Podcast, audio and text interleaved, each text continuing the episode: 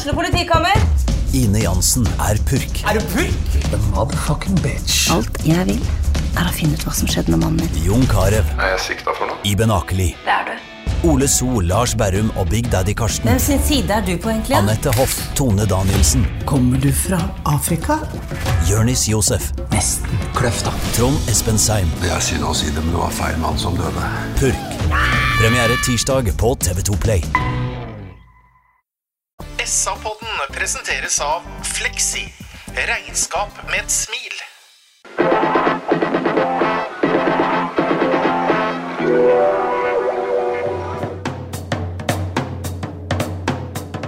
Sarpsborg Arbeiderblad gir deg en ny episode av SA-podden med Sven René Nygård, Øystein Weber, Petter Kalnes og Bjørn Inge Bingen Nilsen. God kveld! Det er uh, søndag, og det er uh, SA-podden som skal rapportere fra en fotballkamp som uh, Sarpsborg 08 har vunnet mot eh, Vålerenga. I studio så sitter Øystein Weber. God dag, Weber. Hei, Petter. Og her sitter Binge Nilsen. God kveld, Petter.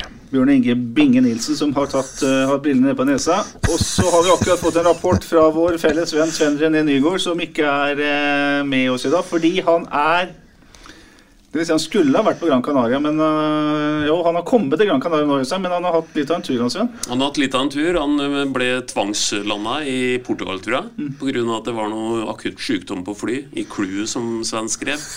Og så har det visst vært mye som har skjedd etterpå. Jeg tror til og med han ble påtvinga et dobbeltrom med en kall han ikke på noen måte kunne tenke seg å dele rom med. Men da satte han ned foten. Da satt eh, Sven rett og slett ned foten og sa dette går jeg ikke med på. Det jeg tror at Sven sa, var 'vet du ikke hvem jeg er'? Ja, og resten er historie. Resten er historie. Bjørn Inge Binge Nilsen, fotballkampen er også historie. Det ble 3-2 til eh, de blåhvite. Hva er inntrykket ditt av kampen? Jeg syns det var uh, lite folk. Ufortjent lite folk til å slå Vålerenga 3-2. Uh, det var uh, en artig kamp eh, på Sarpsborg stadion. Spenning sto helt til eh, eller fra start til mål, for å si det rett ut. Og jeg eh, syns det er ekstremt gøy at vi slår Vålerenga 3-2. Eh, kosa meg veldig. Øystein, hva tenkte du når du gikk fra stadion? Jeg tenkte at det var en kamp vi burde ha parkert og vunnet og signed, sealed, delivered lenge før at kampen var over. Og så har jeg bare en liten annen sånn eh, greie her, eh, for vi snakker ofte statistikk, og vi snakker ofte litt forskjellige ting rundt eh, bakgrunnsdataene. Og hvis vi går inn på den kampen i dag i forhold til det som heter expected goals, så ser det relativt jevnt ut. Men det ljuger litt, for når Vålerenga skårer sitt første mål, da blir det målt på det å sette ballen for en halvmeter og inn. Vi må diskutere det som skjer i forkant med en uh, keeper på halvdistanse osv. videre Det kan sikkert Binge igjen som den fagmannen han er, si noe om.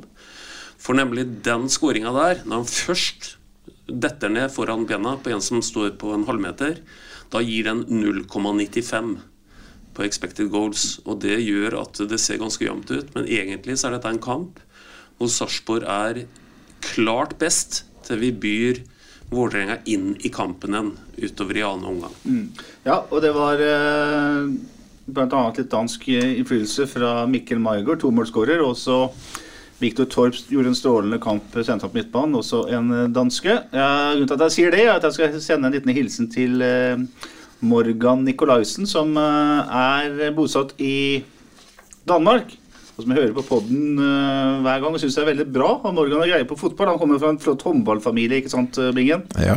Så Morgan, hyggelig at du hører på. Bjørn Inge, det er sånn at det varierer voldsomt i den kampen her. Fra det helt store til ganske middelmådige. Altså, vi snakker om Sarpsborg 08. Det var noe eh, vi snakka ut med både Anders Kim og, og Margot og uh, Stefan Bildborn etterpå. Jeg vet ikke hvor gode svar de egentlig gir på det, men har du noen forklaring på hvorfor det er så stor forskjell innad i matchene? Eh, vi var jo, fr eh, fram til vi skåra vårt eh, første mål, så syns jeg jo at eh, eh, vi var eh, veldig gode. Så kommer en periode der vi slipper inn Vålerenga. Men jeg syns også, jeg sa til Øystein, jeg syns Vålerenga var eh, skarpe. Vi begynte å bli nonsjalange. De tok oss De hadde hurtigere bevegelser, de hadde høyere tempo i kroppen. Vi sto og slo. Klarte ikke mer enn tre trekk enkelte ganger. Det var maks. Og Vålerenga kom vi, vi, inviterte dem litt inn i, kroppen, nei, inn i kampen samtidig som de var veldig på hugget. Frem til dem da fikk eh, sitt eh, første mål, så endra kampen karakter igjen. Så jeg har ikke noe godt svar på hvorfor det blir sånn, men uh, uansett så bør det ikke nødvendigvis bety at uh, vi ble dårligere ute på banen. Men jeg syns Vålerenga kanskje gjorde oss dårligere. De sto høyt, og de ga oss ikke noe rom, og de nekta oss å, å spille det kortpasningsspillet vårt som vi, vi ønska. Tebo blant annet. Uh, gjorde jo noen, ja, noe som kunne blitt skjebnesvanger et par ganger. og Han ser jo så brutalt god ut når han uh, går fram og bryter og går av et ledd. altså Han er jo en jækla god stopper, men kanskje sin største fiende sjøl i forhold til at han uh, gir seg ut på enkle pasnings feil i forhold til valget han gjør. Ja, det tar stor risiko i valgene sine. Men Øystein, det varierer, men uh, toppnivået også i denne kampen her er jo skyhøyt. Det er sykt. Ja, det er, toppnivået er veldig veldig høyt. Vi, vi, har sagt det mange ganger, og vi kan gjenta det igjen. Toppnivået til det laget her eh, vet, uh, er et lag vi aldri har sett maken til i denne byen. Og vi må ta med oss det, altså. At uh, i dag møter vi et lag som har kniven på strupen. Vi har ikke kniven noe sted. Og, og, det resulterer i at vi tross alt går av banen i dag med å ha vunnet mot det laget som sikkert kan ane at her kan det være mye arbeidsplasser og veldig veldig mye som står på spill. Så, så det må vi ikke glemme. Det er veldig sterkt isolert sett å slå Vålerenga i den settingen de, de, er i nå. Det sier egentlig litt om at det er, det er egentlig bortimot klasseforskjell. I hvert fall hvis vi snakker om uh, det, det, beste nivået. For uh, når Sarpsborg virkelig er på eh, det nivået de er på i perioder i, i første omgang, så, så, så, er det jo virkelig underholdning av topp, topp klasse. Altså. Og synes da Isolert sett avslutning av kampbingen, det at man eh, de siste ti minuttene blir trøkka inn i egen 16-meter og så klarer å stå av den stormen der, det gir en boost inn i arbeidsuka som kommer. Ja, og det var veldig, veldig, det var veldig fint at vi gjorde det, for da flytta de opp. De bytta jo til og med inn en stopper som spiss ja, ja, ja. I, i, mot slutten her. Sånn. Og jeg syns det var veldig bra at vi sto imot, og uh, de så jo veldig, veldig ufarlige ut. Det virka nesten som de var resignert uh, på 3-1 Vålerenga, hvor, uh, hvor de fikk ny energi på 3-2, men eh, de så jo helt sjanseløse ut utpå der. sånn. Det var jo kroppsspråk som ja, ja, Litt flåsete sagt så sa jeg etter at 08 tapte i Tromsdalen en cupkamp mot uh, et av de dårligste lagene på de to øverste divisjonene den gangen, så sa jeg det at har Bakke uh, mista garderoben, sa jeg den gangen.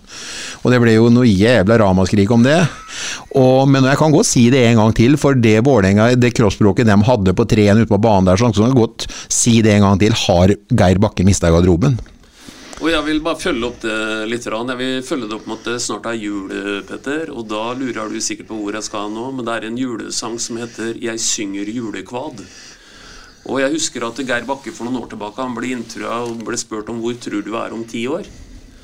Og da sa Geir Bakke jeg tror jeg er her, jeg, sa han, i Sarpsborg. Hadde liksom tenkt å gjøre Sarpsborg til Norges Feyenoord. Og i dag tror jeg Geir Bakke tenkte Eia var jeg der, ja. som det synges i julesangen. Men eh, for å være litt alvorlig, da. Eh, jeg var alvorlig, jeg nå. Ja, ja, jeg vet du var alvorlig. Ja. Du har jo sikkert inngående kjennskap til hva som skjer i garderoben på. Ja, jeg, også, men jeg si, kan, kan, si en ting til òg. Mm. Eh, at Joakim Jønsson kommer fri for det. er sånn. Det eneste han har gjort i år, det er å ha en tirade mot, uh, i pressen mot andre agenter uh, og kollegaer i forhold til at han har faderen meg truffet på en spiss, han. Uh, og det skulle han ha kred for. Men fy fasen, jo at han kommer unna som sportssjef i forhold til den jobben han har gjort, i forhold til å tilrettelegge det for, for Fagermo og, og Bakke. Jeg, jeg, det, det var når de henta hjem og Kir til uh, Intility, så var det jo akkurat som de skulle få hjem rockestjerne, ja. Og vi har jo sett den her i Sarpsborg og vet jo at det så er ikke tilfellet. Så det må jeg virkelig si. Jeg syns uh, Jokke Jønsson uh, At han går fri i forhold til jobben han har gjort, det er veldig rart. Nå skal vi konsentrere oss om, selv, også, om oss sjøl, men uansett så har jeg fått uh, letta hjertet mitt i forhold til det òg. For jeg syns nesten det er litt sånn brutalt urettferdig med Fagermo-sparkinga i forhold til hva som har blitt visst på banen uh, etter at Bakke tok over. Og den som har sittet med det overordna ansvaret på det sport hele tiden, det er Jokke Jønsson. Men eh, helt seriøst, Øystein. Eh, når Bakke sitter i kveld og, og tenker eh, om valget sitt i sommer, hva tror du han tenker? Han tenker at uh, Han sa jo at 'jeg har alltid lytta til mavefølelsen min', sa ja. Bakke. Jeg tror akkurat i dag så tenker han at den maven den kan innimellom gi meg noen gærne signaler. Det er det jeg tror Bakke kanskje i hvert fall i kveld tenker. For han har havna i en situasjon nå som er uh, er veldig, veldig krevende. Og, og, ja. Nå er de så langt nede i deg som det går an å komme. Nå kommer det en kamp i morgen hvor Sandefjord kanskje skal vinne over Ålesund. Og som Bingen og jeg snakka litt om i stad, så er det kanskje ikke noe bedre om Ålesund vinner over Sandefjord. Ja, for da melder de seg på, ja, ikke sant? Så, så Vålerenga er i dype, dype problemer. Og jeg bare gjentar det, at de kommer hit i dag og bør være desperate. Og, og, viser egentlig ikke noe spesiell desperasjon før de på en måte får litt momentum på slutten av kampen. Ja, etter to-tre der. Ja, etter to-tre. Ja. Før det så, så, er det dem som egentlig bidrar til å drøye litt. Jeg hørte det var en jeg gikk sammen med fra stadionet som hadde tatt tida på Sjøeng. Som brukte 29 sekunder på å sparke ut en ball som mm. hadde tatt tre sekunder å sparke ut. Og det er på et tidspunkt hvor de ligger under tre igjen. Så, så det, er, det, er, mye de sliter med på Intility. Og så er det noe som heter, eller mange som sier eh, Bingen, at uh, det og det laget, denne klubben, fortjener å være i Eliteserien. Vålerenga fortjener å være i Eliteserien, for det er en 100 år gammel, 110 år gammel klubb. Flott på østkanten av Oslo og Intility, og ikke minst klanen. Men de fortjener ingenting i fotball. Du må prestere. Nei, du må jo gjøre deg fortjent til det, og det gjør jo definitivt ikke Vålerenga nå. De, de, de, sliter kolossalt, og de har forvalta pengene sine svært uh, dårlig. De, de, de, får lite poeng ut ifra antall kroner de putter inn. Mm. Bra. Det er uh, også sånn at de klarte å stape 1-8 med rekruttlaget sitt mot Egersund på lørdag. Det er også skammelig av en klubb av Vålerengas eh, størrelse. Så ja. det er B-laget Ja, og så får jeg bare følge opp den litt, for den, den la jeg merke til òg. Ja, for den går utover Lyn igjen, Petter? Ja. Lyn, lyn kan vi rykke opp hvis de vinner nå, ikke ja, men, ja. tror jeg. Men, nei, nei, nei, nei, spilte i går. Spilte i går, spilte på Notodden, ja. Okay. Og vant. 5-2. Ja. Men, men, bare for å så, bare for flette inn en liten frustrasjonssetning om akkurat det der med disse annetlaga, den varierende uh, standarden der, da. Det som jeg syns nesten er verre enn det vi nå snakker om i nåtid, det er at dette er en veldig veldig gammel problemstilling. Og da vil jeg bare minne om én ting.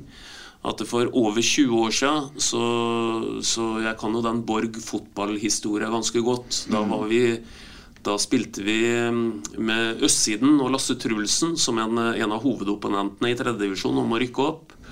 Og vi var så heldige eller uheldige å møte Vålerenga 2, begge lag.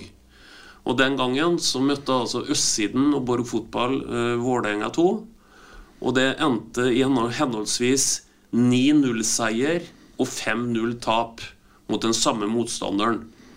Så det illustrerer bare hvor utrolig håpløst det er med den variable kvaliteten som annet lag stiller opp med.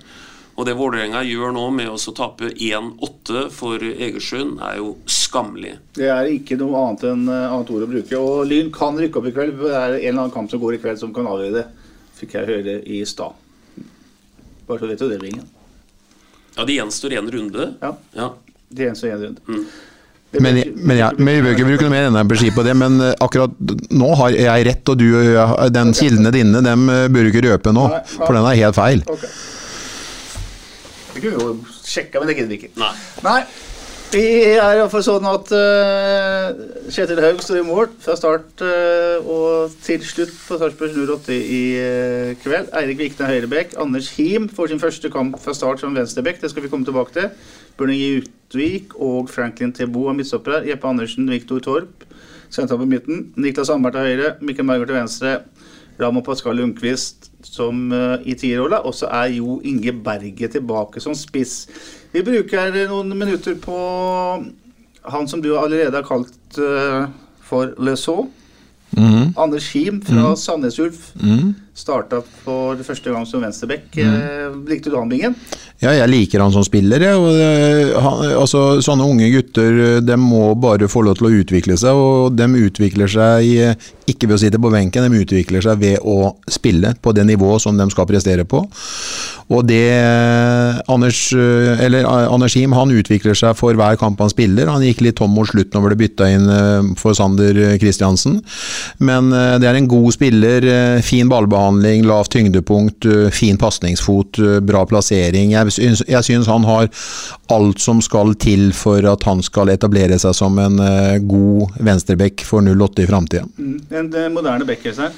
Ja, absolutt en moderne bekk. og absolutt en bekk som kommer på offensive løp, og som jeg tror på mange måter passer som hånd i hanske i forhold til hvordan Billborn ønsker at de skal bevege seg og skape overtall på kant, og, og skape disse trekantene på begge kanter, egentlig, osv. Jeg tror Anders Him ja, men Det sa vel strengt tatt også Billborn noe om da vi henta han, at han hadde sett han, og, og det, det er ikke tatt ut av ingenting at de signerte han. Så jeg tror han passer som hånd i hanske for uh, Stefan Billborn. Og så går han bare inn og spiller sitt spill, Bjørninge. Det her er ikke, han tar ikke noe altså Han drar av Det første han gjør, er liksom dra av nesten som bakerste mann. Han, han er utrolig trygg med ballen. Ja, han er trygg med ballen, og han uh, har kvaliteter som han, uh, egne ferdigheter som han stoler på. og Jeg syns det er en fin, eh, fin, morsom spiller, og jeg gleder meg til å følge han videre.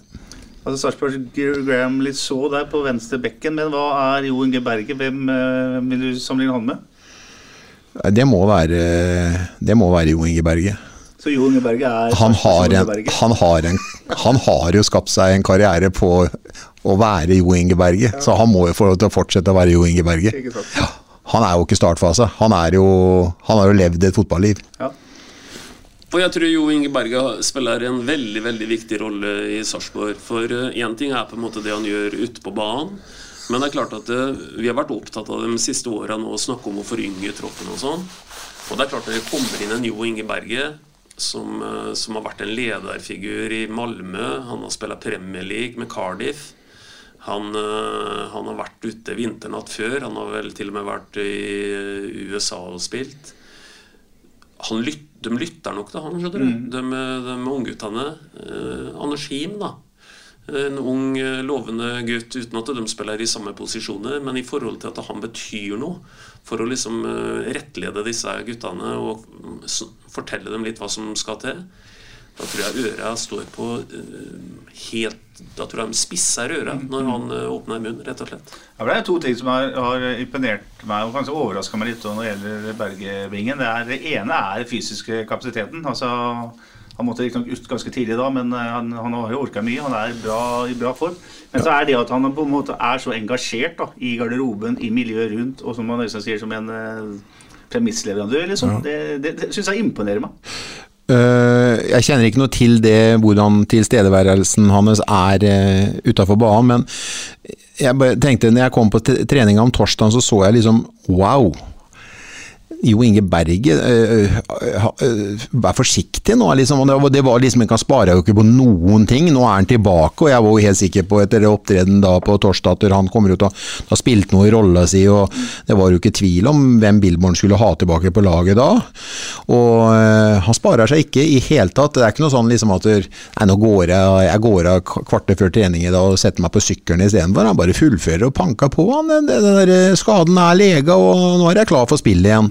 Utrolig fin innstilling eh, som han viser til treningsarbeidet, daglig treningsarbeidet. Skulle jeg hørt andre trenere tenkt at eh, Berg har vært ute med strekk. Han er så og så gammel, han eh, trenger tid. Vi lar han få ei uke til. Kanskje til og med enda en uke, for da er det landslagsopphold. Men her hiver de en rett innpå, og det er jo sånn sunn fornuft, så er jo det eneste riktige. Ja da, og jeg, dette er sikkert testa ut godt nok, det. Og, og er det en som har rutine også til å kjenne når han er egentlig fit for fight igjen, så er det helt sikkert han sjøl.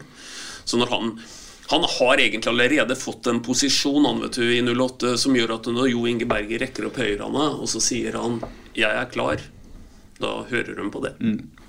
Forrige gang Bingen, klarte vi å bli litt uenige om hvor Niklas Hammer hadde vært bra like mot Stabæk. Eh, Jeg er overbegeistra for Viktor Torp i dagens kamp. Mm, det er jeg jo. Og takk og pris at vi er enige om det. Jeg må si han i perioder er helt overstadig. Se åssen han vender av eh, med, med mann i rygg. da. Jeg, jeg skjønner han går av dem på en så elegant måte, så de, det er jo ingen som henger med på vendingene hans én gang. Eh, Borgen, eh, hva heter Borgenvinkel, han Bekken, han skulle jo hatt eh, sitt andre gule og vært utvist. Eh, At dommeren lar han være på banen, det er jo meg helt ubegripelig etter den eh, flyveturen som Torp fikk eh, av han der. Eh, Torp var eh, veldig god. Jeg syns det var mange gode i dag, men jeg syns det er vanskelig å komme utafor Torp. Tebo, eh, og selvfølgelig Mikkel Maigård. eh, Det er eh, mye gode kvaliteter i enkeltspillere på det laget der. sånn. Og så har du Lundqvist igjen, som du ser Du kan jo ikke komme utenom han heller, men han, han gjør noen eh, C-momenter innimellom som til og med sine egne medspillere ikke klarer å henge med på. Eh, Det er en situasjon som er eh, faktisk Da er jo han, vår kjære venn Hva heter spissen? Fardal. Opseth. Er Fardal kommet inn, og Fardal oppsøker rommet mot keeperen, mellomrommet mellom bekk og keeper, og han hæler da ut i 45, hvor da løpet allerede har gått. Så han gjør noen C-momenter som setter til og med medspillere sjakk matt, spesielt da i den situasjonen der. Men han er eh, han er så eh, Lundqvist er utrolig fotballsmart og litt i overkant enkelte ganger, men eh, herregud, han har jo Har han to målgivende i dag? Kan vi si at han har to målgivende, eller? Ja, begge ganger så er jo han som starter hele showet, iallfall. Ja. å slå 45 på dørlinje. Vi tar detaljene rundt målet etter Men se bare fortsette med Ja, Torp. Ja. Tunneler ja. som han slår. Han leker seg jo med, med ball i bena. Den gutten bare Formen stiger og stiger eh, hele tiden på han. Og så er det jo hardtarbeidende i tillegg. Han, han jobber jo knallhardt. Veldig. Ja, så Det eneste avbrudd med det Torp lever i da, er jo hvor lenge kan du beholde en type som han? For det er klart han er i ferd med å vokse seg ut av denne serien, egentlig. Han, han er på sitt beste. Og det er jo som Bingen sier, altså Vi, vi kaller det vel tunnel, vi da. Den, den yngre generasjonen kaller det luke. Luke, ja. Så hvordan han tok et par luker i dag Herregud, for en kontroll han har. Og, og det virker som at han eh, gjør det som den største selvfølgelighet. Og ikke minst, som Bingen er inne på, hvordan han vender opp med ballen og lar kan du si, hastigheten i ballen Altså Han vender rundt egentlig kanskje nesten uten å berøre den, for han, han, han leser situasjonen så utrolig godt. så han han, han, øh, det blir ikke et mottak, men det blir et medtak, skråstrek, nesten egentlig innimellom ikke være borti den ballen engang, for bare følger den videre. Nei, Det er en fotballklok type som eh, garantert, da, for å liksom være tydelig på det, står jo på blokka til veldig veldig mange klubber eh, som titter mot norsk eliteserie. Vi bør ikke lure på det i det hele tatt. Nei, Viktor Torp har kontrakt med Sarpsborg 8 til sommeren 2005. 25, vil jeg tro. Eh, 2025, mener jeg. Og han eh, Det ryktes at man allerede har starta et forsøk på å få han til å forlenge den. Det er sikkert ikke så veldig lett, men de har i hvert fall eh, prøvd det. Når det gjelder Pascal uh, Lundqvist-Bingen, så kommer jo han til Sarpsborg for å få en eh, restart på karrieren sin, som det heter. Eh, på- Sarpsborg 08 har jo på alle måter innfridd det løftet. La han få mye, masse spilletid og mye tillit. og han har jo vokst han i løpet av, av dette året. Jeg vet ikke hvor han var henne tidligere, for jeg kjente han ikke som spiller da, men han skulle jo få en restart på en måte, og han, han er jo en spiller, han er ikke leid inn, han er jo en spiller vi eier. Eh, I hvert fall ikke nå lenger, for nå er han jo fri, nå er han jo bossmann. Men eh, han har jo vært eh, den første Billborn og Bjørklund har satt på, på laget sitt hver eneste kamp. Han, han, har, han har vel spilt han, har han blitt benka nå? Jeg, uansett, spiller ikke noen rolle. Han har spilt veldig mye, og det har, han, det, det, det har han også fortjent. Og han bidrar med assist, han bidrar med mål, og har vært en veldig nyttig spiller. Om han har spilt seg sånn i form igjen at han skal havne Hvor han skal havne, vet jeg ikke, men han har jo tydeligvis ha- definitivt øh, Han har jo ikke Sarpsborg i hjertet sitt på den måten der, sånn. Han er her og gjør en, en jobb for, øh, for kontrakta som han har skrevet under, og har fått et forhold til dem rundt klubben. Det er helt overbevist om, noe som han kommer til å ha med seg resten av livet. Men han skal jo ikke være her, han skal jo ut igjen. Han har jo ikke noe forhold til Sarpsborg og Sarpsborg by på den måten som f.eks. Utvik har fått gjennom øh, de åra han har vært der. Nei, det er klart. Han, eh, han skal nok videre og til, eh, til litt større klubber i Europa, kanskje. Vi får se. Det er sånn at uh, Apropos Torp, det tar 40 sekunder, så slår han en pasning som er uh, helt vanvittig til uh, Eirik Vikne, som har kommet opp uh, fra sin høyrebekkplass. Det er sånn når du spiller bekk og du tror at du skal ha kontroll på ballen, og så bare stiger den og stiger og stiger, og detter den ned akkurat over huet på deg. Det gjør pasningen fra Torp. Til da Vikne, som får sjansen fra skrått hold, og så viser han vel igjen at han ikke er noen stor målskårer. Ja, det er jo for så vidt eh, Det kan jo godt si at eh, det gjelder jo mange i 08, det da. Og det er jo svært få forunt å egentlig kunne fortjene tittelen eh, notorisk eller stor målskårer. Men, men vi ser tegninga tidlig at, at vi har noen individuelle kvaliteter nå som er kjempeinteressante. Altså. Eh, bra redning i og for seg av Magnus Sjøeng i Vålerenga-målet der, eh, Bingen. Det er et skrått på, han gjør seg stor. Eh, det er en benparade. Eh, Viktig kan kanskje skyte opp hvis han skal ha, helt tatt ha mulighet til å få den inn. Du må løfte den opp i taket. Jeg husker ikke at det var, noe- var det noe spesielt, var ikke det helt grei redning? Eller var ikke noe sånn Ja, nei, uten venstre ja, ja, ja, ja, ja.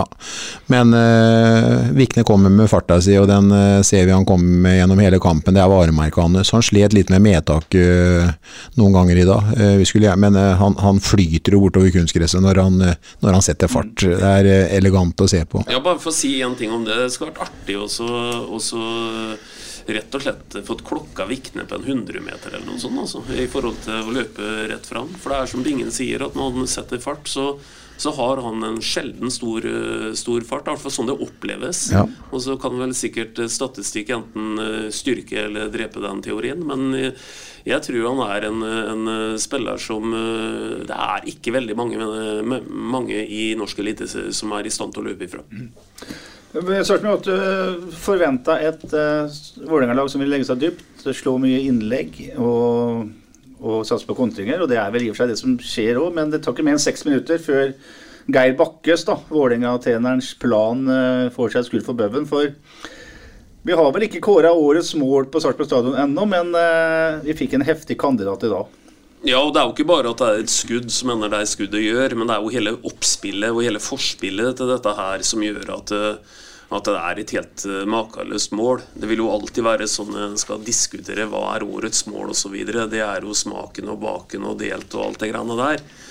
Um, eh, og det kan jo være et enkeltstående skudd som på en måte treffer nærmest oppi bøylen og alt det der, men her er et forspill til det altså, som, eh, som styrker det som du var inne på, Petter, at, at det er et av de flotteste måla vi har eh, sett på stadion i år. Det må det jo kunne gå an å si. Ja, det er nydelig. Det er eh, Torp som, eh, som slår til eh, Mikkel Maigård, som er på vei inn fra sin venstre kantposisjon. Og så gjør Maigård noe han ofte gjør. Han prøver med en vegg. Men han bruker altså på første touchet. Slår ned passing fram med banen. Der Jo Inge Berget har skaffa seg plass. Står bredbent og fin med en midtstopper i ryggen. Berget bare legger den tilbake. Og så er det fra 18-18,5 meter. Så sier Mikkel på intervjuet etterpå Bingen, at det er alltid ledig kryss, og det, det der er et nydelig skudd. Også. Det var eh, fantastisk mål, og det var eh, så mange trekk der, så jeg rakk å si til Veberg eh, før han flykta opp i vinkelen at dere for et spill, og så bare smalt det. Så det var jo liksom krona på verket i forhold til et nydelig angrep som vi presterte da. Så, eh, da snakker vi om toppnivået vårt, hvor høyt det er. Det er jo bunnivå vi må jobbe med i 08. eh, Men eh, toppnivået vårt er jo ubeskrivelig, og her er, en, her er det ikke bare en retur som man plukker opp og fyrer og legger den i, i vinkelen. Det her er flere trekk i forkant som, er, eh, som gjør det her til et veldig bra mål. Og så er det som snakker om Både håndball og ishockey så snakker man om plassskifter, At man liksom flytter seg fra én posisjon til neste. Og Det er det Margot gjør her idet han går inn i banen. Og det er jo litt av det Billborn-fotballen går ut på. Øystein. Dette er jo definisjon på Billborn-fotball, følger følger jeg alt som på en måte skjer i, i forkant her. Og så er det som du sier, det er interessant ut å se den gamle ringreven Berget eh, tilrettelegger seg der for å så på en måte være den veggen som, eh, som Maigard søker. Og ikke minst hvordan han da legger ballen tilbake til. Ja, for Det ser ikke ut som noe kunst, det Berg Berge gjør, men han, det er smart. Han, han har funnet plassen sin der. Ja, det er ikke noe kunst, men du kan si at hvis han ikke legger den tilbake, hvis han forsøker på noe annet der, så er angrepet spolert. Så, så det, det krever at eh, Berget leser den situasjonen som han gjør, og det overrasker jo ingen at han gjør det, men det er like fullt fantastisk å se på. Mm. Jeg har skrevet at uh, etter ti minutter så er det Anders Kim som virkelig presenterer seg for, uh, for stadionpublikummet når han drar av en mann på dypt nede på sin uh, venstrebackplass og slår en fin pasning. Der var liksom han uh, på mange måter godkjent, eller godtatt, på stadion. Stor sjanse til Sarpsborg 8 etter 18 minutter. Da er Lundqvist som kommer rundt på sida og slår en 45 grader ut til Margot langs bakken. Og skuddet til Mikkel det reddes av Sjøeng. Ja da, og vi ble inne på i stad hva Lundqvist kan eh, by opp til. Mm. Den er jo så bra, den prestasjonen Lundqvist gjør der, at han Vet du hva, Lundqvist? Du bør få målgivende på den, syns jeg. Mm. For det er ikke ditt ansvar at det ikke ender i kassa. Det han gjør i forkant her, det er jo alt du skal gjøre for å kunne være en eh, assisterende på, på et fotballag. Så det er helt fantastisk det han gjør der. Vender opp, det er trangt nede på sida der, kommer seg forbi. Legger ut, som du sier, og så blir det tilfeldigvis ikke mål av det der. Men, eh, men, alle skjønner jo at om den hadde vært klinka opp i bøyeren, så er jo forarbeidet akkurat like godt. Uh, for det er jo ikke han som avslutter. Så Lundqvist viser seg fram igjen. Så er det, er det noen som skal ha den sjansen, så er det Mikkel Margaard Wing. Han har satt mange ja. sånne i karrieren. Ja da, men akkurat der treffer han akkurat der ikke han, han, får, han får ikke keeperen til å strekke seg eller noen ting. Han, han, skyter rett i bena på ja, ja, Midt i mål, der han står. Mm. Etter dette her så er det en ganske dårlig periode for Sarpsborg 8. Altså, midt, altså fra 18. og 6-7 eh, minutter fram i tid der. Eh, blant annet så gjør Torp det eneste feil han gjør i kampen. Han dribler seg litt bort som bakerste mann, og Ofkir får en sjanse. Mohammed Ofkir, tidligere 08-spilleren, skyter rett på, på Kjetil Haug. Så får også Andrej Ilic en mulighet. Skyter et løst skudd som uh, Haug har kontroll på. Det er ikke Haug har kontroll på, er det som skjer etter 25 minutter, Bjørn Inge Bingen Nilsen. Da er det et, uh, en god pasning fra Strandberg ut mot uh, venstre kanten til uh, Vålerenga. Sønnen til Dag Risnes, som Men du som, har vært, du som har vært trener tidligere der. Der sitter jeg og sier til meg og teller sekunder når den ballen er i lufta. Ja. Hvorfor trekker, hvorfor, hvorfor trekker Vikne inn, og hvorfor går ikke han ut i press. Hvorfor lar han Risnes få den tida han skal ha? Det er helt uforståelig. Ja, Du er enig med meg? Ja, ja, ja. Jeg skjønner ikke hvor ja, Den henger så lenge i lufta, og han er i utgangspunktet ikke mer enn fem-seks meter unna han, men der blir han. Han går ikke helhjerta ut og tar, det, tar, den oppgaven på han og så lar han få det ubehagelig med å få kontroll på den ballen. Han lar han bare være så god. Her har du kontroll, slå en nydelig inn, inn i feltet. Så får vi se hva som skjer. Og det skjer. Ja, Det første er jo at Vikten ikke flytter seg når ballen går, men han, ja. han går jo ikke oppsøker det ikke etterpå heller. Nei. Det er, eh, og det er, vi har jo snakka før, så kanskje ene svakheten Vikne har, er jo det defensive. Ja, og det er interessant det vi snakker om nå, for det det ender opp med, det er kritikk til Kjetil Høgs mm. fortjent kritikk. Ja, ja, ja, ja, ja, ja, ja, ja. Men, men, det er alltid sånn at det er en foranledning til det, og det vil jo da eventuelt være presspillet til bekken i den situasjonen der. Og det vi egentlig sitter og snakker om, det er at dette kunne vært håndtert på en måte hvor vi ikke sitter egentlig og diskuterer at eh, Kjetil Haug kommer på halvdistanse, for det er det han gjør i den, i den eh, situasjonen. Men når først innlegget kommer, da, Bingen, så, så må vi også adressere at der kommer dessverre Kjetil Haug, som har levert en helt prima gjesteinntreden i 08. Der kommer han på halvdistanse. Jeg skjønner ikke at han kommer egentlig Han kommer jo egentlig han er på vei inn i situasjonen. Jeg vet ikke om han står for lenge, hva han gjør, men når han først bestemmer seg for å gå, så er det for sent. For han kommer aldri opp med hendene til hodet til uh, han spissen som uh, Jokke Jønsson uh, har truffet på. Har truffet på. Ja. og det skal han ha. Men han spissen, han henger jækla fint. Han er ikke noe sånn, liksom sånn Det er ikke noe, det er ikke noe Peter Crouch, altså. Han, men han går opp og timer det så riktig, og når han henger der så det kommer han har egentlig satt fart på den headinga før egentlig eh, Haug får kjæla med ballen. Han er ikke i nærheten, han har bomma så totalt, så han er feil ute fra første stemmet sitt. Så det er, eh, det er hans mål. Han header jo i tverrliggeren men, og setter inn sin egen retur. og Det er eh, bra spisspill. Han er uredd når han går opp med keeper og hender oppi der osv., men eh, det er jo en, det er en keeper det er en, Han skulle vært foruten den, den gode Haug. Det er Ilic gjør, er jo også å plassere seg fint mellom to stoppere. Det, det, er jo ikke en fantastisk stopperspill heller. Utvik og Tebo blir, blir, jo litt lurt der. Han Men er det sånn Headinga er jo fra såpass langt hold. Eh, Kan eh, Er valget i etterkant at han rett og slett skulle stått? Nei, jeg syns det er helt riktig at han går, men han uh, nøler nok et tiendedel. For det er nok til at han kommer for sent inn i situasjonen. Ja. For han har ikke noe problem med å komme riktig på den eh, hvis han starter, eh, starter på rett tidspunkt. Headinga går i tverrliggeren. Ilic setter returen i, tomt mål fra var det 30 cm, så Ja, og da, og bare for å repetere det, da Da får vi altså en XG på det målet der på 0,95. Det er mye høyere enn et straffespark. Så det sier litt om at akkurat der blir liksom en sånn type statistikk litt forkludret. For det skjer så mye i forkant der som gjør at det der kunne vært øh, unngått. Ikke at du ruller den i mål fra null meter. Det skjønner alle. At den setter du når du først får den rett ut fra tverrliggeren der. Mål preger fotballkamper, som Arne Skeie ville sagt. Og plutselig så etter 1-1 så er plutselig Sarpsborg 8 oppe, oppe i ringene igjen. Veldig. Eh, Ja, nå så vi i nå. Eh, 28 minutter, så han Elias Hagen tok jo hele Norge med storm da han eh, ble henta til eh, Bodø-Glimt fra Kjelsås, f.eks.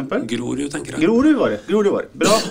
Eh, her møter han jo sin overmakt i Viktor Torp, som slår en Var det lukerud, sa du heter på, på moderne Ja, de moderne unge menneskene Klar, kaller det pølsebrød, vel? Ja, ikke sant, det er mange- pølsa- kjært barn Ta med pølsa, Hagen, skulle ja. Torp sagt der, vet du. Dansk pølse. Eh, tunnel. Deilig pasning til Mikkel Margaard, som skyter et langskudd rett på keeper.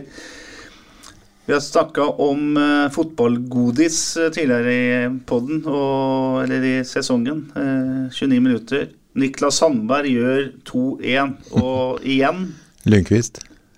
Fantastisk. Det starter med Sandberg, som spiller til Lundqvist. Som uh, setter fart eh, rundt en bekk. Og der er han jo Han er jo dekka opp, Øystein. Han han har folk på seg. Ja, ja, men der viser jo Lundqvist at han, eh, han eh, på sitt beste eh, sikkert skal spille i en bedre liga enn norsk eliteserie. Og så er det jo interessant det du sier, at du, det er jo et gammelt munnhell at mål preger fotballkamper, men her preger det jo litt motsatt.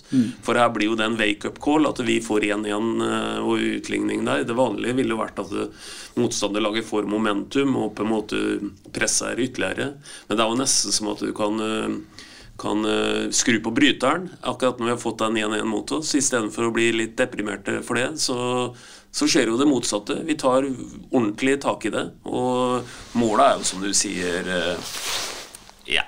Det er eh, godteri, rett og slett. Han kunne ikke Sandberg Der satt han en millimeter høyere. Det var bare pang oppi undersida av tverrleggeren, og så bare Det var ikke ned på streken engang, bare skjøt videre fart inn i nettet. Så det var, eh, var nydelig. Igjen et fantastisk flott mål av 08. Lundqvist rundt på sida. Flatt eh, innlegg. 45 grader til Vikne. Vikne stopperen er eh, altså Bekken har kommet inn foran mål. Det er jo Billborn fotball, så holder det jo. Vikne er smart. Slår en enkel støttepasning til Sandberg, som som Bingen sier, dunker den opp der det alltid er ledig, og et fenomenalt uh, fotballmål. Det var uh, underholdning så det, så det holder, rett og slett. Så er det, har sagt noe full kontroll, og så er det etter 40 minutter så kommer 3-1-gålen, som uh, burde jo ha vært det som avgjorde hele kampen, egentlig. Og Det er en detalj der som er litt interessant. Vi har snakka om Bjørn Inge Utvik og hans eh, forsvarsspill, men her slår han et oppspill, hvis jeg husker den, langs bakken til Torp. Knallhardt gjennom med pressledd. Det er effektiv passing av Bingen.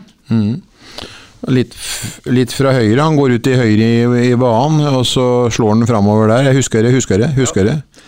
Utvik til Torp. Torp har jo selvfølgelig fullstendig kontroll. Uh, finner en Vikne, som, vi, som Vikne er mye involvert her. Han kommer som en kule på høyresida.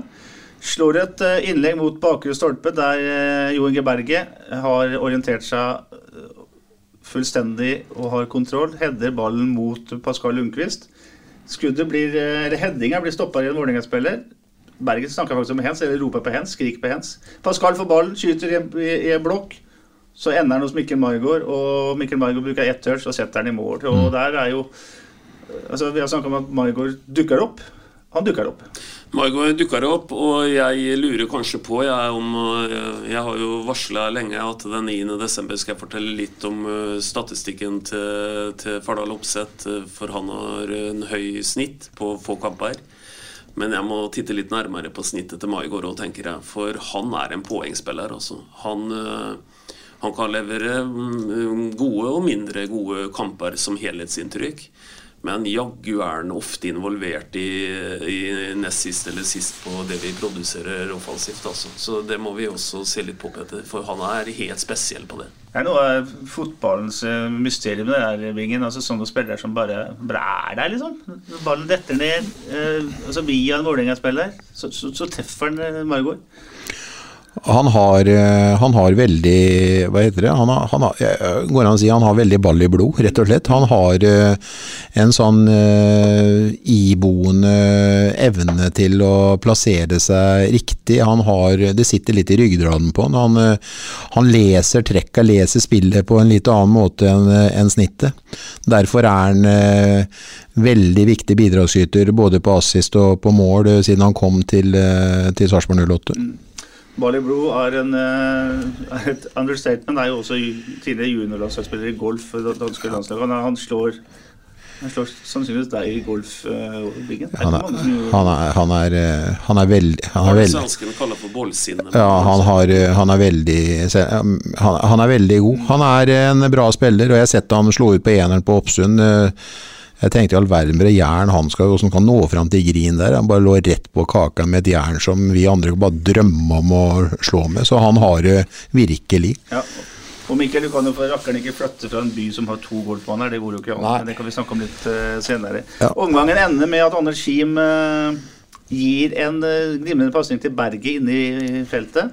Berget vender bort stopperen og skyter en skudd som blir blokkert av keeperen til, til corner. Dermed er det 3-1 til uh, Sarpsborg i pause. 54% ballinnehav til hjemmelaget. Og en omgang som uh, der, der, skulle vært uh, drept, som det heter på fotballspråket. Ja, og vi sitter jo med den Vi sitter med veldig god følelse til pause her nå, vet du. For, for igjen, da, hvis vi går inn på bakgrunnsdataene her osv., så, videre, så så har altså Vålerenga produsert utrolig lite. Oppimot at de jeg gjentar meg igjen, får 0,95 score på den der ene til, til, som de setter der. Så er det utover det nesten ingenting.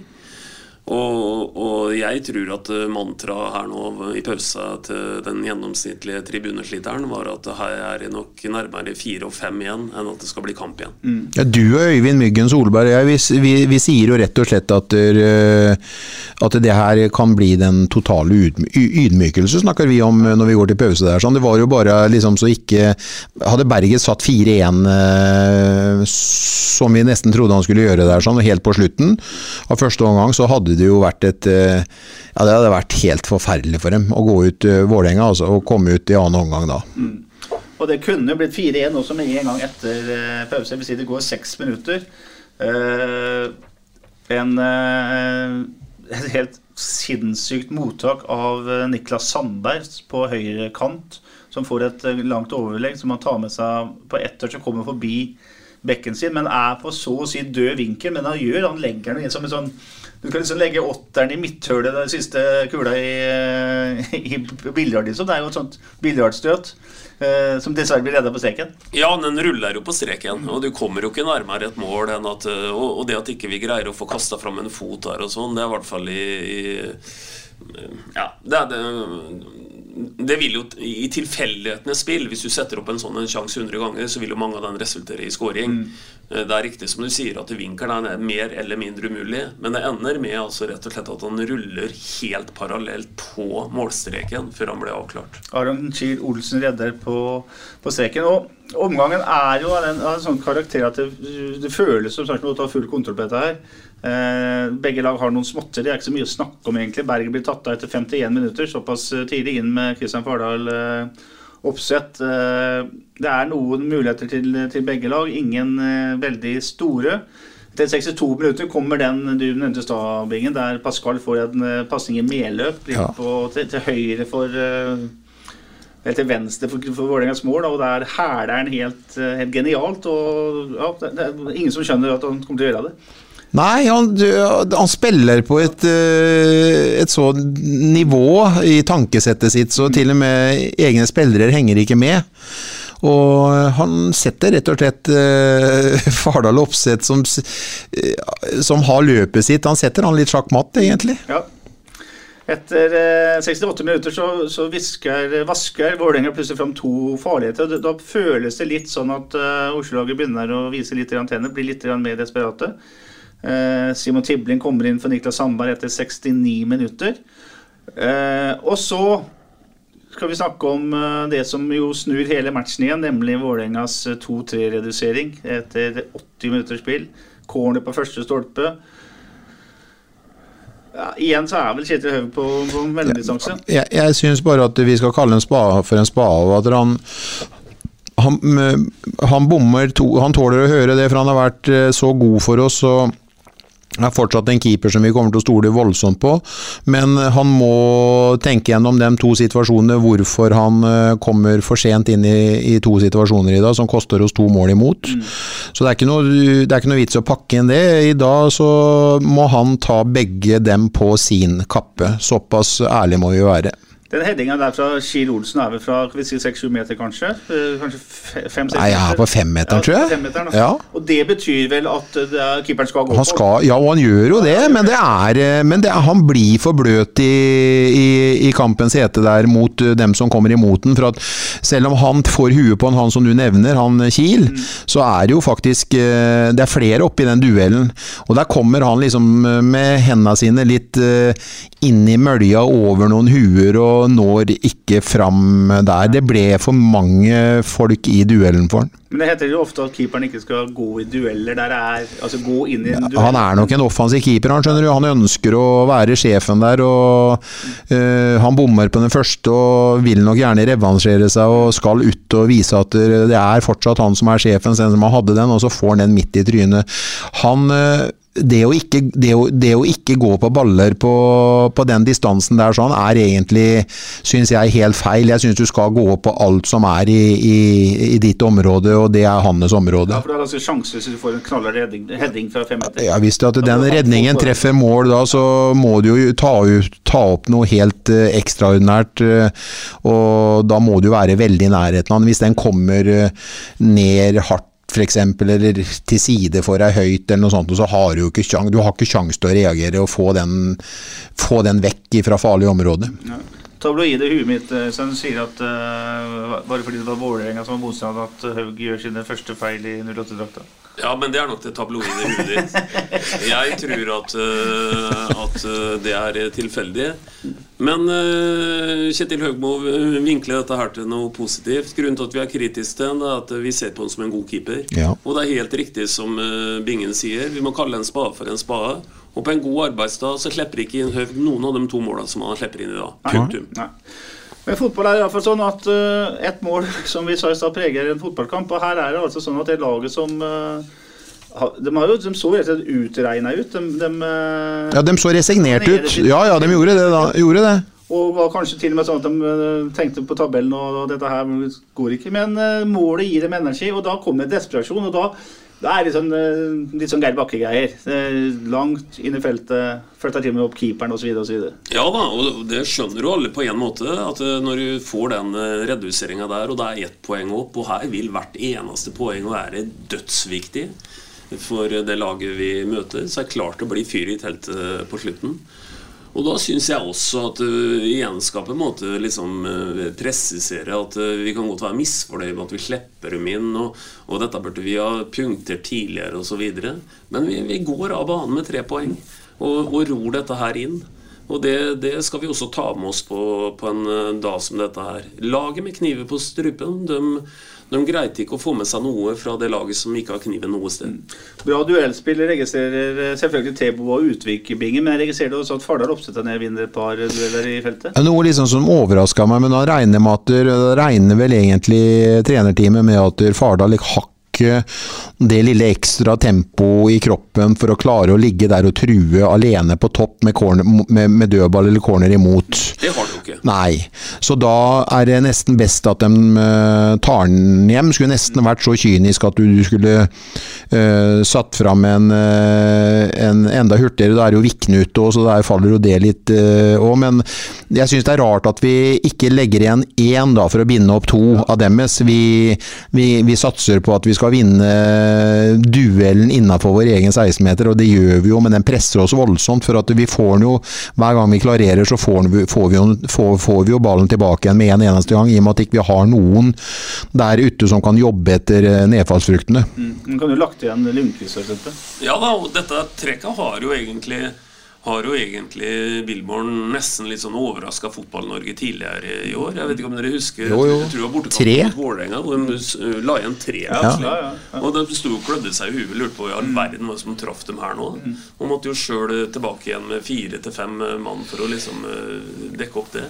Så sett i lys av det, så er det kanskje litt rart at eh, at en ikke ønska å, å gjøre det. Og så er det nok litt kok på slutten i en sånn situasjon. Det er ikke sikkert at alle valgene på en måte er like godt begrunna og gjennomtenkt, verken av dem som kanskje står på siden, eller dem som skal utføre det utpå der. For det er klart at det er en det er en stressa situasjon, men uh, igjen, vi, vi, vi står nå, som nordlendingen sier. Ja, og ingen seier er jo bedre enn den der. Nei, og, og, og Sven hadde el- elska å si det nå, at da visste vi på en måte den desperasjonen og det sterke ønsket om å vinne. For at det var jo en sånn kamp som kunne ha vitt...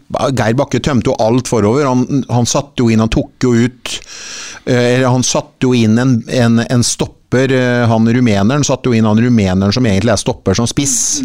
Han ville jo De gikk så, så desperat for å få det ene poenget som kan være, kunne ha vært så viktig for dem.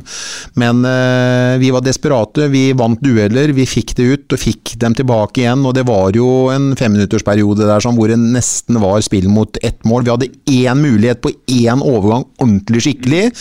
Men jeg mener det er Sander Kristiansen som ikke er nøye nok i forhold til et fremspill eh, til Tibling. Ja, ja. Husker dere den? Ja, ja, ja, kommer mot hovedtribunen, den ballen der, så er ikke Og den blir snappa opp av en som skjærer ut fra, fra inni banen av Vålerenga der. Sånn. Så der har vi en voldsom mulighet. på- Tar vi den, så kunne vi ha lykka med å, med å drept det. Ja. Anders Kristiansen, som be- begge nevnte, han kom inn eh, for Anders Him. Sander. Under Sander, mener jeg. Og eh, Peter Reinhardsen erstatta Vikne. Altså begge bekkene ble tatt ut de siste ni minuttene av ordinær tid.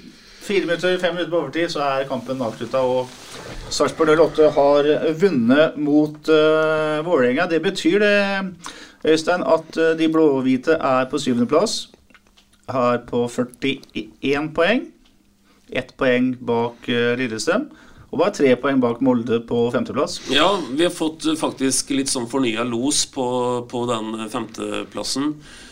Og så må vi også huske på da, på en dag hvor, eh, hvor eh, kanskje noen syns at eh, vi har sett større prestasjoner, ikke vet jeg. Vi er i ferd med å gjøre en av de absolutt beste sesongene til 08 gjennom alle tider. altså. Eh, vi tok vel 51 poeng da vi tok bronse i, i 2017. Ida runda vi i 41. Ja, nå er vi på 41. Og kanskje det er noe i, Petter, at vi har jo snakka på inn- og utpust om at i år er vi gode mot de gode. Presumptivt gode. Kanskje det betyr at det passer oss utmerket å avslutte mot Viking borte, Molde hjemme og Bodø-Glimt borte. Skal vi si at det blir seks poeng på, av ni mulige? Da, da blir dette en god sesong, det. Det blir en veldig god sesong eh, uansett. Og som Bjerge Øyestad også sa, han uh, syns også sesongen er god. Men han gjør som oss andre, han irriterer seg over hvor disse poengene er tapt. Men det kan vi komme tilbake til også senere. Runden som eh, helhet er at uh, HamKam slo Viking på Briskeby lørdag kveld. Et vikinglag som har stoppa totalt. I dag er Brann eh, Odd 2-1. Lillestrøm Haugesund 1-0. Rosenborg slo Molde i eh, det heter det hatoppgjøret 3-1. Stabæk fikk 0-4 i sekken av eh, laget som blir seriemester, Bodø-Glimt. Og så har Tromsø, som varierer voldsomt, tapt 1-0 hjemme for Strømsgodset. Poddens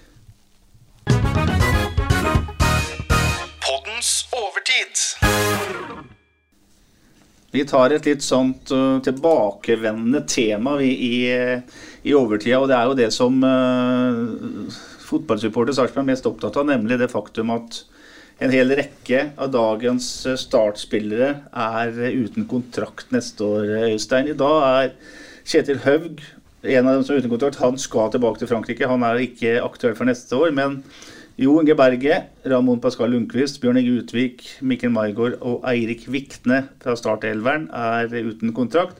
Så det samme er Kristian Fardal Oppsett.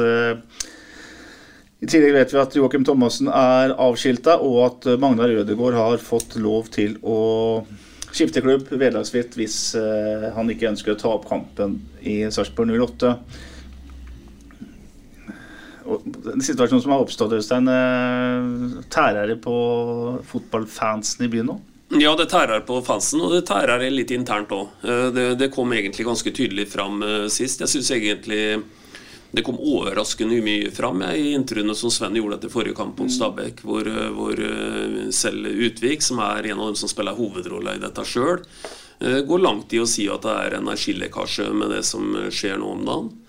Og det er, det er nok en grunn til at uh, vår nye sportssjef uh, Hampus har vært tydelig på at uh, vi vil ikke sette oss i en sånn situasjon en gang til.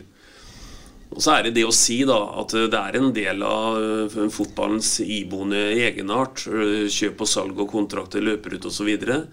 Det som er litt spesielt uheldig i år, er naturligvis at halve laget har utgående på likt. Og, og, og at det, det, medfører en del usikkerhet inn, foran neste sesong. Og Så får vi håpe dette her i størst mulig grad kan liksom nå avklares eh, etter hvert. For det som ligger på en måte i den andre enden av dette her, det er at eh, vi har altså et lag som gang på gang egentlig beviser, i hvert fall når vi presterer på det høyeste nivå, og vi hadde noen sånne drypp av det i dag, at vi er et av Norges absolutt beste fotballag med, med, med, det, med det materiellet vi har eh, nå om dagen. Men som sagt, det er, en, det er, et stort men her, og det er det du er inne på. med mm. at eh, det, det, det blir også en energilekkasje ut av det. Bingen, I intervjuet intervju med SATV etter kampen så sier Bjørge Øystad, som er leder av sportsutvalget i Sarpsborg 8, at uh, han ikke finner noen grunn til å ta noe særlig selvkritikk for situasjonen som har oppstått. Ene og alene fordi han mener at de har vært tidlig nok inne med å starte forhandlinger med spillerne. Men det er rett og slett sånn at disse spillerne per nå og fram til nå ikke har vært interessert i å forlenge fordi man ønsker andre situasjoner eller andre muligheter, og da gjerne i utlandet. Finner du noe å kritisere eh, når en klubb havner i en situasjon med, med halve laget på utgående kontrakt? Nei, eh, Bjørge svarer jo egentlig veldig godt for seg. Jeg hører i intervjuet med dere, og Bjørge sier jo også det at det vi hadde oppnådd ved å tvinge fram eh, et svar, hadde vært at vi hadde tvunget fram et nei. Og det har en på en måte eh, ikke ønska å få. De eh, har kanskje lurt seg sjøl litt ved at de ikke ville få høre det svaret. Men de har jo vært tidlig ute. De har jo bearbeida, de har gitt kontrakter. Og han sier nå i forhold til 08 sin målestokk, så har de nådd en limit. Så det handler ikke om 100 000 opp eller ned eller hit eller dit nå. Det handler om egentlig ønskene til spillerne. Og det tar de jo konsekvenser av nå, og de har jo en plan B som de jobber etter, som man sier. Og de eh, sonderer den verste, og det er han åpen på, det har vi snakka om tidligere før sending i dag, den verste å erstatte i forhold til en eh, Vi har en utenlandskvote som puster oss i nakken, og vi har en, eh, en Bjørn Inge Utvik som er en solid stopper i, i norsk målestokk. Det å finne en norsk stopper som skal gå inn og fylle skoene hans, det er nok det som er det største trøbbelet.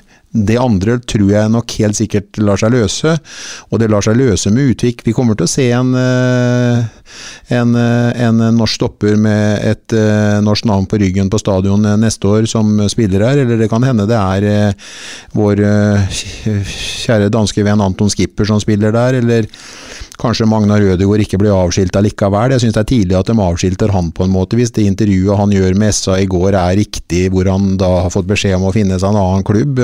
Magnar spilte jo i Spania i fjor med Anders Hagelskjær fram til en skade satte han ut, og Bjørn Inge Utvik kom inn igjen og fikk plassen. Så det er eh, kort vei mellom himmel og helvete, men at han skal bli avskilta i en alder av 30 år, som en av eh, våre sønner Eh, fra byen, det syns jeg kanskje er litt tidlig. Mm. Det syns jeg er litt rart, til og med. Ja. Og Magnar er vel den situasjonen at han eh, Hvis han han har to år igjen han har to år igjen av kontrakta si. Hvis, han føler at han ender som fjerde midtstopper også neste år, så så sier han rett ut at det, det, det gidder jeg ikke, og det, det er jo fullt forståelig, spør du meg. at ikke Han må jo få spille fotball.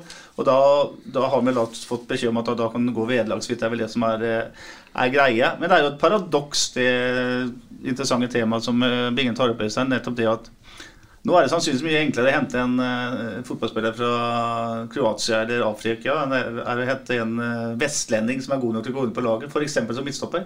Det er, Ja. altså, det er blitt litt sånn motsatt av det det var tidligere. Ja da, det kan hende. Også, men vi skal ikke henge oss opp i at vi må hente en norsk stopper. da Vi kan godt hende hente en Ja, ja. men da må vi komponere troppen annerledes. Så må vi ofre noe et annet sted isteden. For, for det er jo helt riktig at eh, det med, det med den totale kvota her, det ligger jo som en begrensning i det. Og som vil helt sikkert også være en begrensning inn i 2024. Så spillelogistikk det er et krevende fag etter hvert. Det det er ikke noe tvil om det.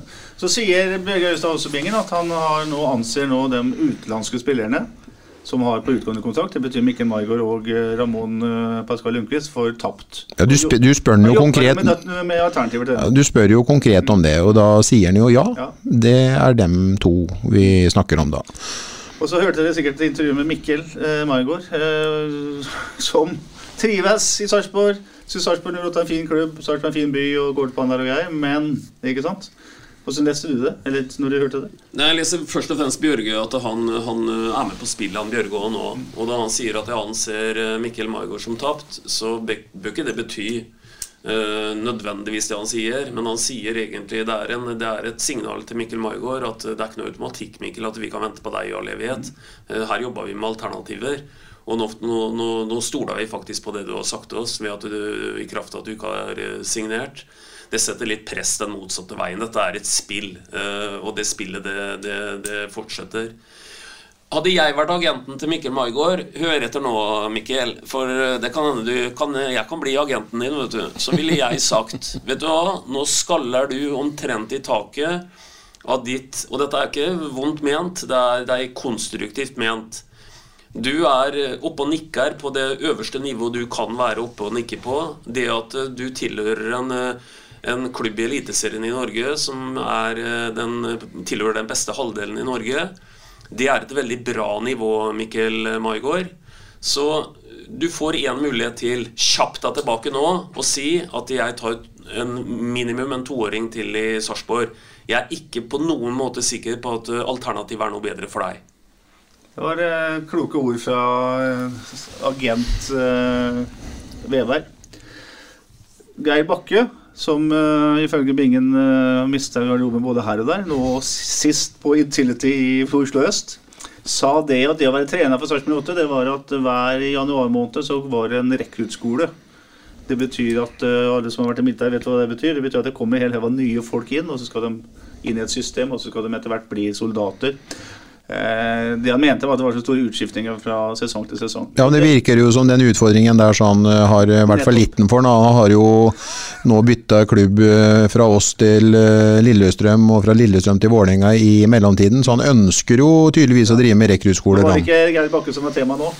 Det var det faktum at Stefan Bilborn kan havne i samme situasjon. Og nå sier jo Bilborn det at hvis vi skal bli et stabilt topplag med den måten vi spiller fotball på, så går det ikke an å bytte fem mann i førsteelveren fra år til år. Er det litt sånn at vi risikerer nå, Bingen, at vi, vi når det er eh, trening igjen her 7. januar, at man må, på en måte må starte litt på scratch igjen? Ikke scratch, for det er mange som har det i ryggraden nå. Men det er klart at eh, i en del nøkkelroller, som uh, Lundqvist, Maigård, Utvik eh, i særdeleshet eh, innehar på, på laget, så er det jo noe som skal, eh, skal inn. Og han syns nok Han blir nok resignert samtidig, så er det jo helt naturlig at en trener eh, trenger litt eh, påfyll. Du blir ikke god trener uten at noen backer og gjør deg god òg. han trenger litt eh, coaching, han òg, for å heve seg litt. Det er noen som må ta han i nakken og så rette han opp og så gi han en ferie og la han få lov til å komme frisk og uthvilt og øh, med, ny, med, med klar tankesett om hvordan 08 skal oppføre seg på fotballbanen i 2024.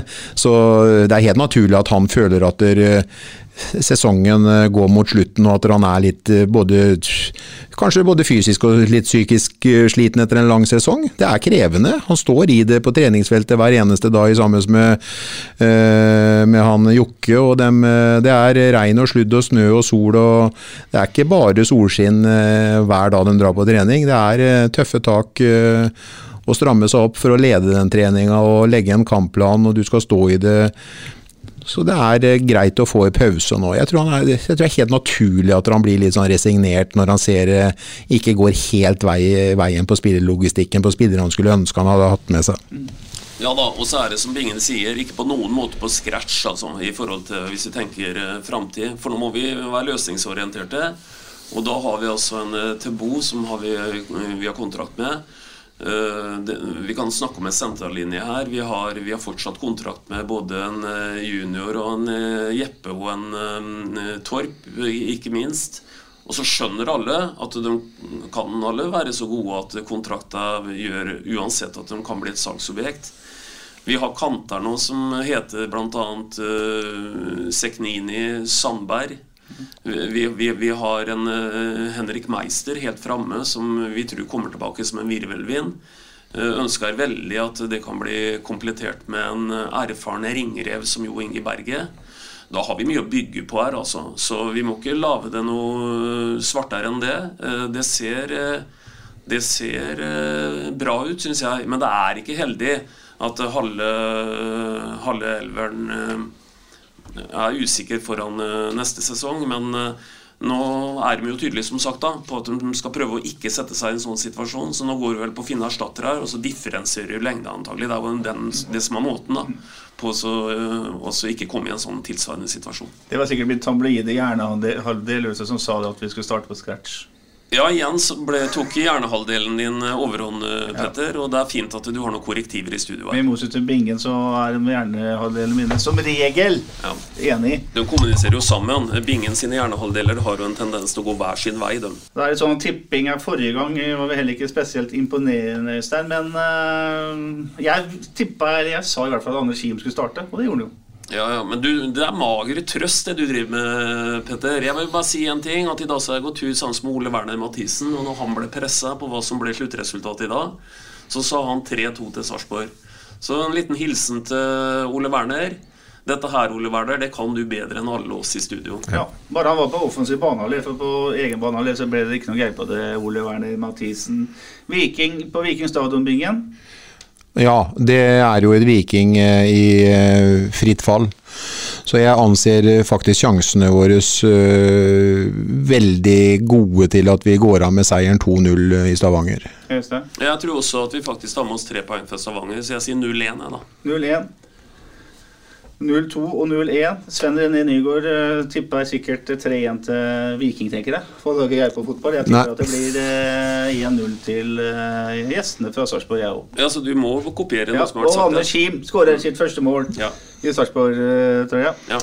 Bra pod, Bingen og Øystein. Takk for uh, følget. Ja, og så kan jeg bare flette inn helt på tampen her at det nå er ikke en billett igjen å oppdrive på Olsen den 9. desember. Det er det som heter lapp på luka der og faktisk. Og da vil jeg betro at eh, halvparten av de som kommer, er kvinner.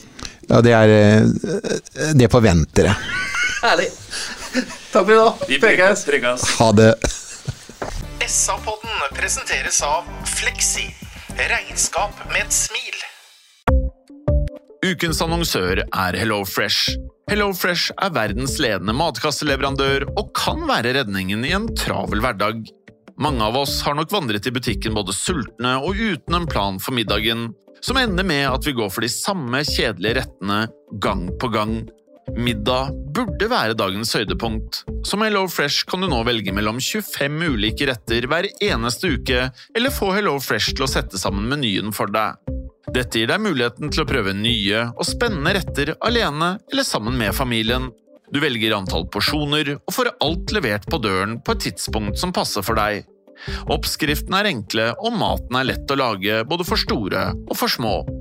Ved å få alt levert hjem får du også mer tid til å dele matgleden med familie og venner. Kanskje det frister med asiatiske tacos eller greskinspirert kylling? Da kan jeg anbefale deg om å gå inn på hellofresh.no. Her kan du bruke koden FOTBALL og få opptil 1779 kroner i rabatt på de første fem matkastene hvis du ikke har prøvd Hello Fresh tidligere. Du kan også bruke rabatten hvis du har vært kunde og stoppet abonnementet ditt for tolv måneder siden eller lengre. Gå inn på hellofresh.no og bruk koden FOTBALL.